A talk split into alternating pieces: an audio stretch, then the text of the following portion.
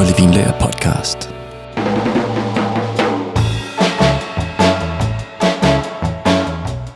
USA.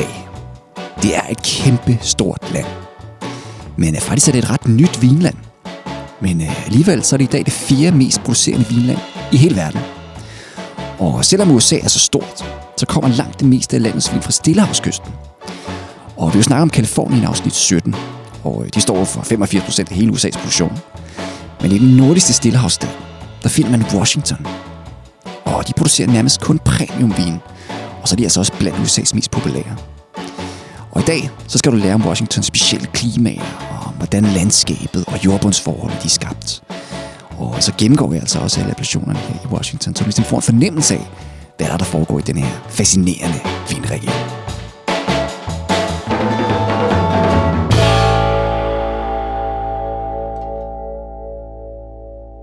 Okay, Washington.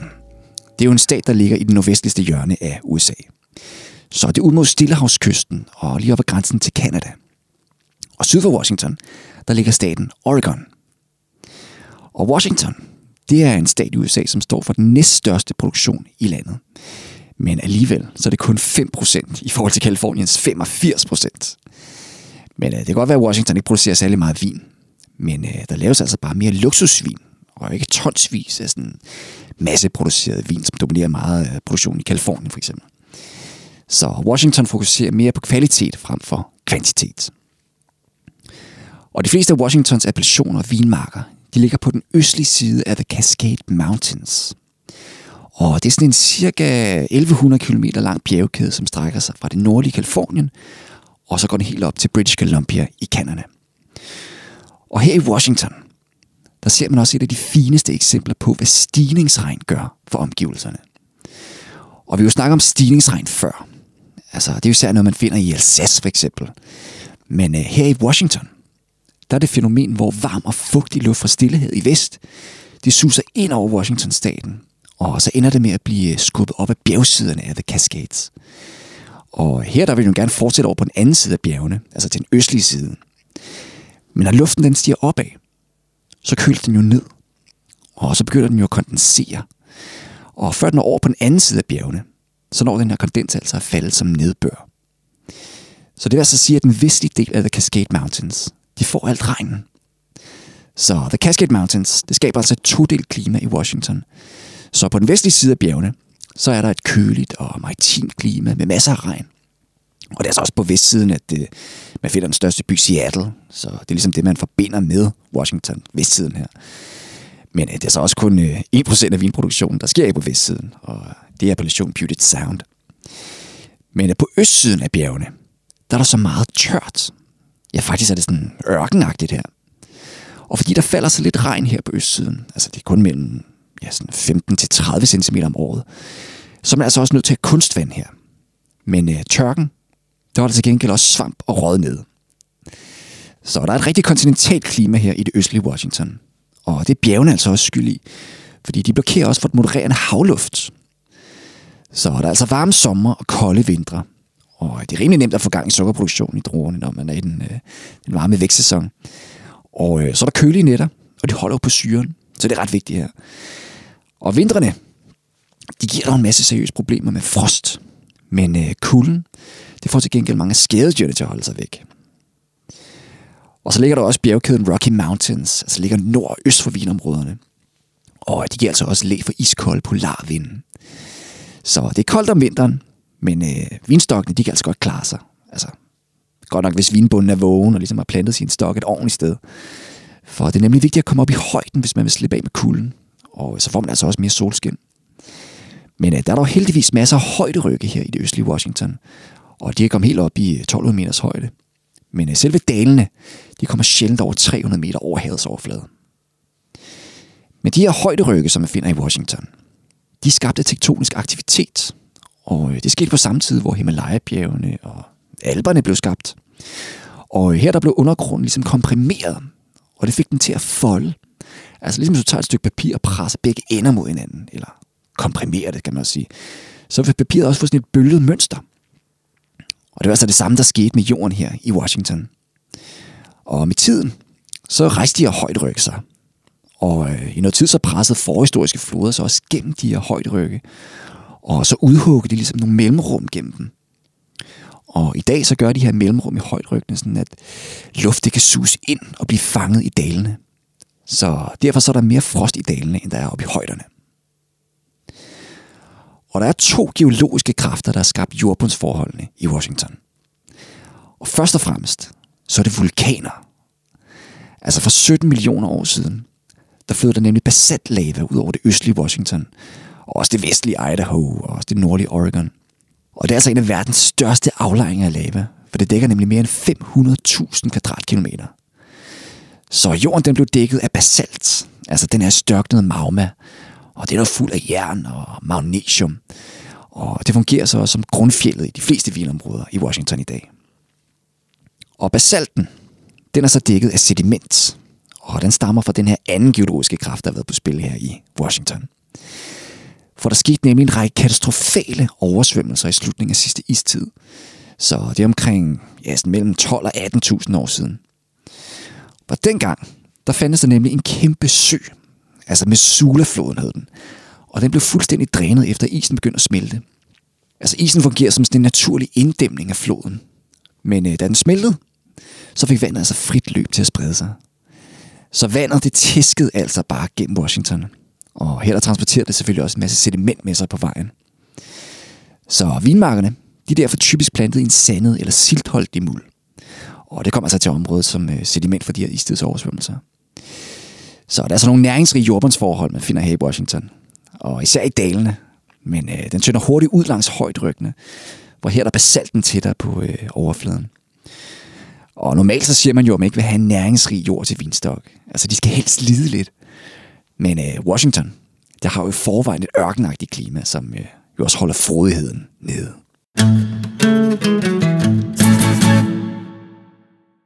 I Washington, der står både blå og grønne druer for omkring den samme mængde beplantning. Og på den grønne side, så er det Chardonnay og Riesling og Pinot Gris og Sauvignon Blanc og Gewürztraminer, som er de mest plantede sorter. Og på den blå side, så er det Cabernet Sauvignon og Merlot og Syrah, Cabernet Franc, som er de mest plantede. Og det er altså en faldende rækkefølge. For generelt så er det Cabernet Sauvignon og Merlot, som fører ind. Og tilsammen så står de for omkring en tredjedel af hele statens beplantning. Men øh, man kan dyrke en lang række forskellige druer. Altså alt fra sådan ultra koldklimadruer til ligesom sådan sentmodne druer, ligesom øh, Petit Verdot for eksempel. Altså der er så mange forskellige mesoklimaer i de her forskellige appellationer og endda også i en enkelt vinmark. Så druer, som ellers dyrkes hundredvis af kilometer fra hinanden i Europa, de kan altså mere eller mindre modne ved siden af hinanden i Washington. Altså, der er for eksempel flere vinmarker, som har Riesling plantet i den ene side af marken, og så Cabernet Sauvignon i den anden ende. Men i Washingtons tidlige vindage, altså i 1960'erne og 70'erne, altså husk på, at USA det er et meget øh, nyt vinland. Altså dengang, der kæmpede man meget med den her hårde vinterfrost. Så øh, man ville kun plante de her hårdføre europæiske sorter eller hybrider. Så det var hvidvinstruer, der dominerede dengang. Og Riesling, det var for eksempel et oplagt valg, fordi øh, den klarer sig jo godt i de her marginale klimaer, altså ligesom i Tyskland for eksempel. Og øh, de fik også stor succes med Riesling, og i dag så er Washington stadig kendte for deres Riesling. Men øh, senere hen, så blev Melon populær i øh, 80'erne, men øh, i dag, så er det altså Cabernet Sauvignon, der er mest populær. Især efter den er, ligesom har høstet en masse point for de store vinanmelder op gennem det nye tusind. Men øh, i dag, så dukker altså også flere ronsorter op, og øh, man ser især Syrah.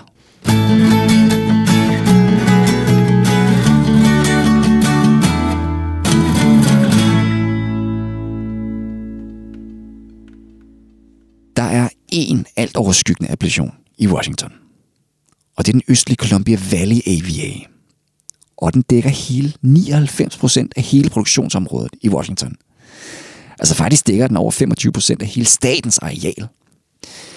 Men inde i Columbia Valley-appellationen, der finder man da også de fleste af de mindre appellationer, som Washington også ligger inde med.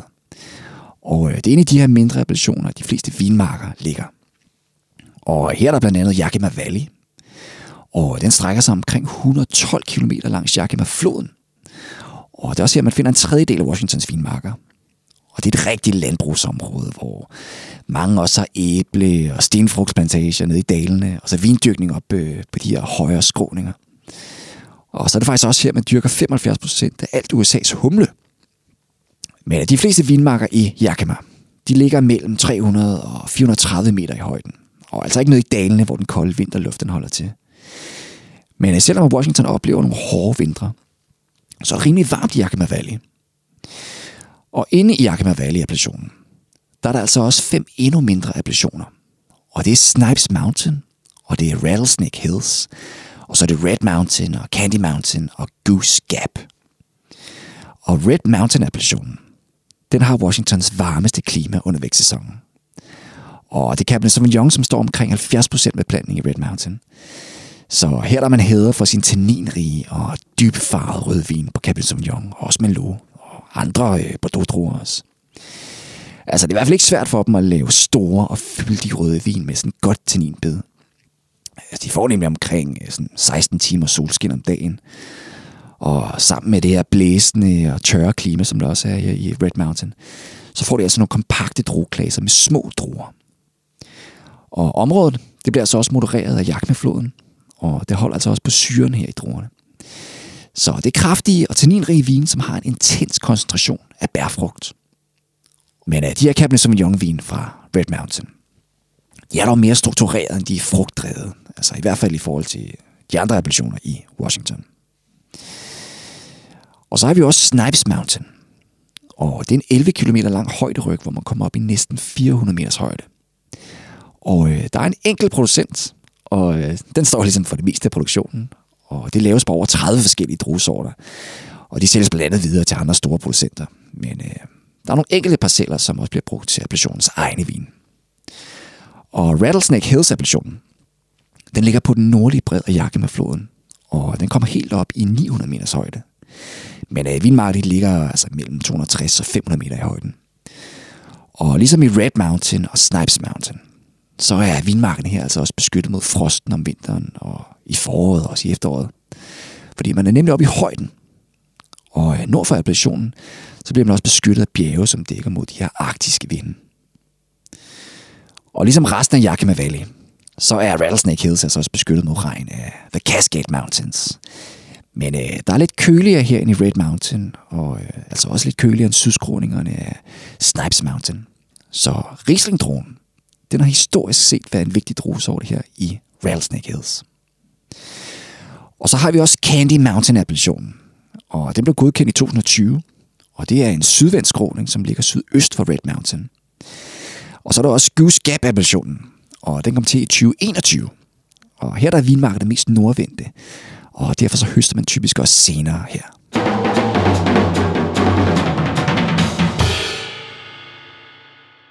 Walla Walla Valley. Det er den østligste underappellation herunder den store Columbia Valley appellation. Og faktisk så ligger en tredjedel af appellationen i nabostaten Oregon. Men de fleste producenter, de ligger dog på Washington-siden omkring den her universitetsby, som hedder Walla Walla. Og øh, det betyder forresten mange vande. Altså, Walla Walla, det ligger også øst for sammenløbet af tre floder. Altså, det er Columbia-floden og Walla Walla-floden og så Snake River. Og det er også her, man finder et af de mellemrum i højderyggene, som jeg snakkede om tidligere. Og her så er det altså Wallula Gap. Og det havde altså en stor betydning for jordbunden her i Washington i sin tid. For da de her oversvømmelser skete under den sidste istid, så skulle vandet nemlig strømme gennem det her snævre mellemrum i højdryggen. Så alt vandet, det blev ligesom presset sammen her, imens det langsomt kunne strømme gennem mellemrummet, altså Wallula Gap. Så det er også at sige, at store dele af det østlige Washington, det stod altså under 100 meter vis af vand. Og her der fik sedimentet så lov til at bundfalde sig, mens vandet langsomt drænede ud af Wallula Gap og ligesom fortsætte vestpå. Og de her oversvømmelser, de skete altså flere gange gennem tusinder af år. Og nogle steder så udhuggede de altså også nogle dybe kanaler ind i den her basaltjord. Og andre steder så fik man aflejring af grus og andet fint sediment, som øh, faktisk i dag kan ligge i et lag, som er over 30 meter dybt. Altså nede i dalene i hvert fald. Men øh, landet, der lå over 360 meter i højden, det forblev altså tørt. Så når man kommer op i 360 meter i højden, så øh, kunne de her oversvømmelser ikke nå derop. Så her i højden, der er basalten stadig meget tættere på overfladen. Og efter de her oversvømmelser, så blev sedimentet altså også eroderet med tiden af vinden fra sydvest. Og det spredte sig den her finkornede løs. Og løs, det er altså også, hvad man kalder det her vindblæste sediment. Og det kommer altså også til Walla Walla. For her der er jorden altså også dækket af løs. Og ofte så når den ned i øh, 9 meters dybde. Så igen, så er det en frugtbar jord. Men øh, i Washingtons tørre klima, så er det som sagt ikke nødvendigvis en dårlig ting jo. Altså løsjord, det er altså også øh, godt til at holde på vandet. Men øh, det er stadig en veldrænet jordtype. Men øh, Walla Walla, det er et område, som ligger mellem 120 og 600 meter i højden. Men øh, markerne de må helst ikke ligge under 260 meter i højden, for ellers får man for meget frost. Og der kommer også mere regn, jo længere østpå man kommer. Altså i vest der får man omkring 18 cm, men øh, i øst omkring foden af bjergkæden Blue Mountains, der får man omkring 55 cm regn. Så det er et ret dramatisk skift. Og egentlig så er det hvide marker, der dominerer i Walla Walla, fordi man tjener typisk flere penge på øh, hvide, end man gør på druer. Så der er kun omkring 800 hektar med vinstok. Men øh, der er alligevel over 100 producenter. Men at mange af vinerierne, de bliver altså også nødt til at bruge druer fra andre områder i deres vin. Så det kan være svært at sige, om vinen egentlig har en speciel Walla Walla karakter. Eller ej.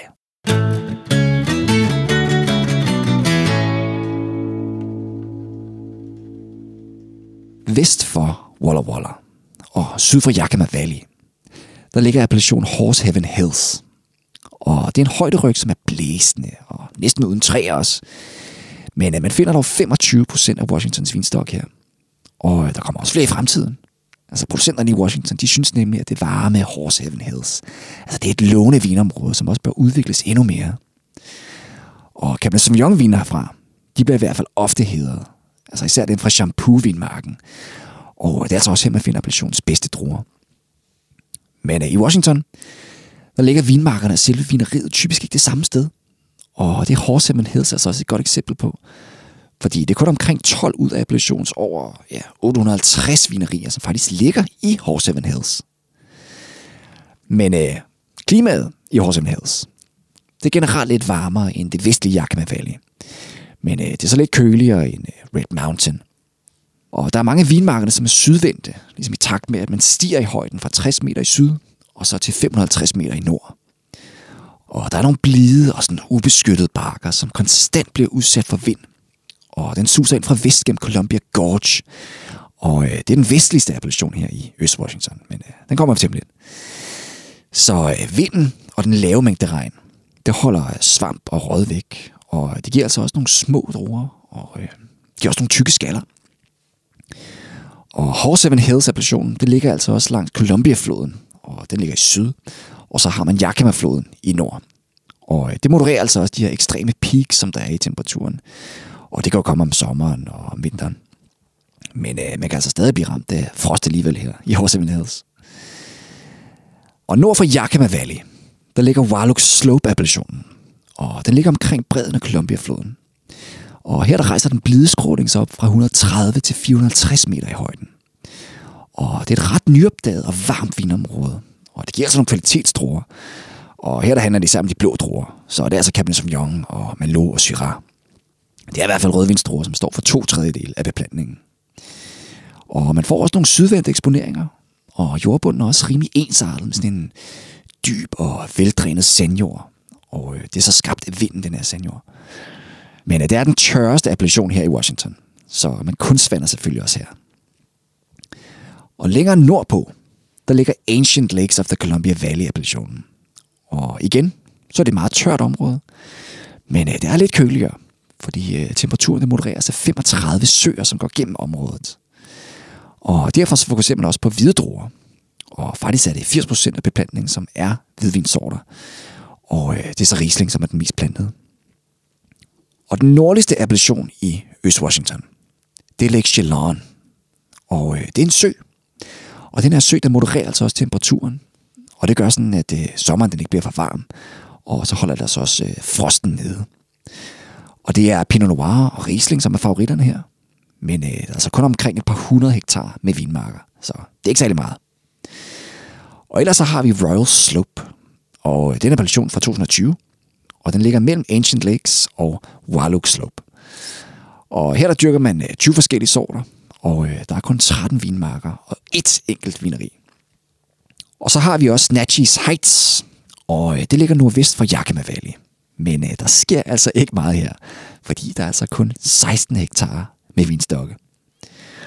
Og øh, appellationerne White Bluffs og The Burn of Columbia Valley, de blev godkendt i 2021. Og øh, White Bluffs, det ligger oppe i højderne, altså op på sådan et øh, plateau på den østlige side af Columbia-floden. Og øh, der er så lidt varmere med mindre frost end øh, ligesom i de omkringliggende områder. Men øh, der er dog kun ét vineri, og så omkring 450 hektar med vinstokke. Og The Burn of Columbia Valley-appellationen, den ligger mellem Horseman Hills og Columbia Gorge-appellationen. Så det er på nordsiden af Columbia-floden, lige ved grænsen til Oregon. Og det er det de varmeste områder i øh, Columbia Valley. Men øh, der er altså også nogle vinde her, som trækker modningstiden ud. Så der bliver ofte høstet senere her.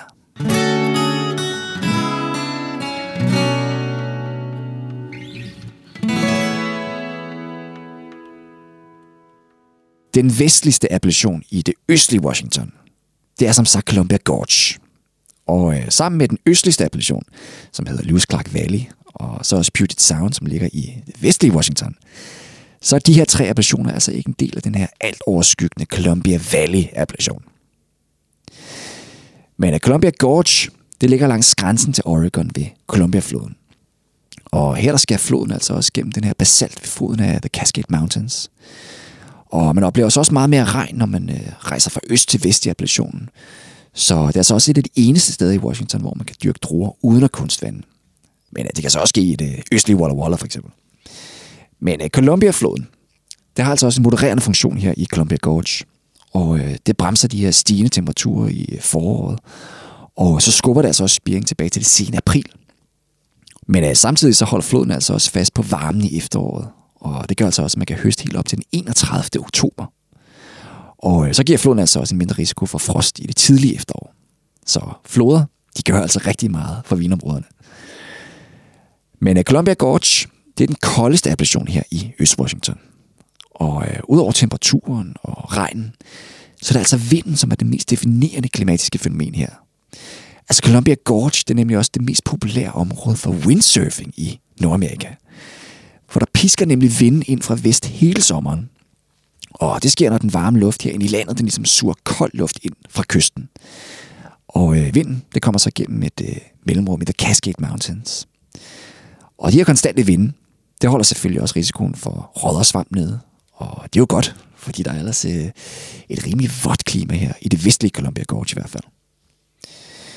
Og man fokuserer især på Pinot Noir på den røde side. Men øh, der er dog plantet flest grønne druer. Og det er specielt øh, Chardonnay og Gewürztraminer, som klarer sig rigtig godt her. Men øh, der er ikke én bestemt droge som signaturdrogen i Columbia Gorge. Altså, i hvert fald ikke endnu. Men øh, man ser blandt andet også, at øh, Riesling og Cabernet Franc og Syrah og Gamay og Zinfandel også fungerer godt. Men øh, viner herfra, de er typisk lettere i stilen, og sådan mere klare i det, og mere aromatiske. Så de minder mere om dem, man kan finde i nabostaten Oregon. Stort set alle Washingtons vinområder, de ligger øst for The Cascade Mountains. Men øh, før i tiden, hvor det var svære kunstvand, så var der så kun den vestlige del af Washington, som havde vinmarker. Og den her beplantning, det skete ude i det fjordområde, som hedder Puget Sound. Og det er så også en appellation i dag. For her der plantede man nemlig den første vinmark i 1872. Og det gjorde man med en amerikansk hybridsort. Og øh, det blev så Washingtons første kommercielle druesucces. Men i dag, der er Puget Sound faktisk Washingtons næststørste appellation. Men øh, det er altså også den mindst beplantede appellation i hele staten. For det er nemlig sådan, at appellation den dækker over et område, der er på over 2 millioner hektar. Men der er altså kun plantet 50 hektar med vinstokke. Men de vigtigste vinområder, de ligger på øerne ude i fjorden. Og her så er det de øh, sådan, tidligt modne druesorter, som dominerer. Typisk så er det sådan øh, tyske krydsninger som øh, Madeleine Angevin, eller Müller-Thurgau, eller Sigerrebe. Og der er altså kun nogle få producenter her i Puget Sound. Men øh, mange af vinerierne fra det østlige Washington, de hører altså også til her. Og her producerer de altså også deres vin. Og så er der altså også et sted, hvor folk de kan strømme til deres tasting rooms, for ligesom at smage deres østlige vin. Og så er vi næsten i mål med USA's vigtigste vinregioner. Altså, vi har jo snakket om Kalifornien, og nu også om Washington. Men øh, vi mangler dog Oregon, som vi skal snakke om i næste afsnit. Så det bliver altså fortsættelsen på det her afsnit. Men indtil da, så synes jeg, at du skal udforske vinene fra Washington. Og øh, det gør du blandt andet ved at trykke på de vine, som jeg har linket til i episodenoterne. Og hvis du ikke allerede gør det, så tryk abonner på podcasten, så du aldrig går glip af nye afsnit. Og så kan du også følge os på Instagram og Facebook, hvor du både får gode tilbud og nyheder. Og så står jeg altså også altid klar til at svare på dine vinspørgsmål. Så bare skriv til mig på Instagram, hvis der er noget. Og så har vi altså også en masse butikker landet over, hvor man kolleger også er klar til at hjælpe dig med dit næste vinkøb. Så kom endelig forbi. Så kom ud og smag noget vin fra Washington. Det er altså lækre sager, man får derfra. Og så håber jeg, vi lyttes ved i afsnit 40 af Holde Vildlærer podcast.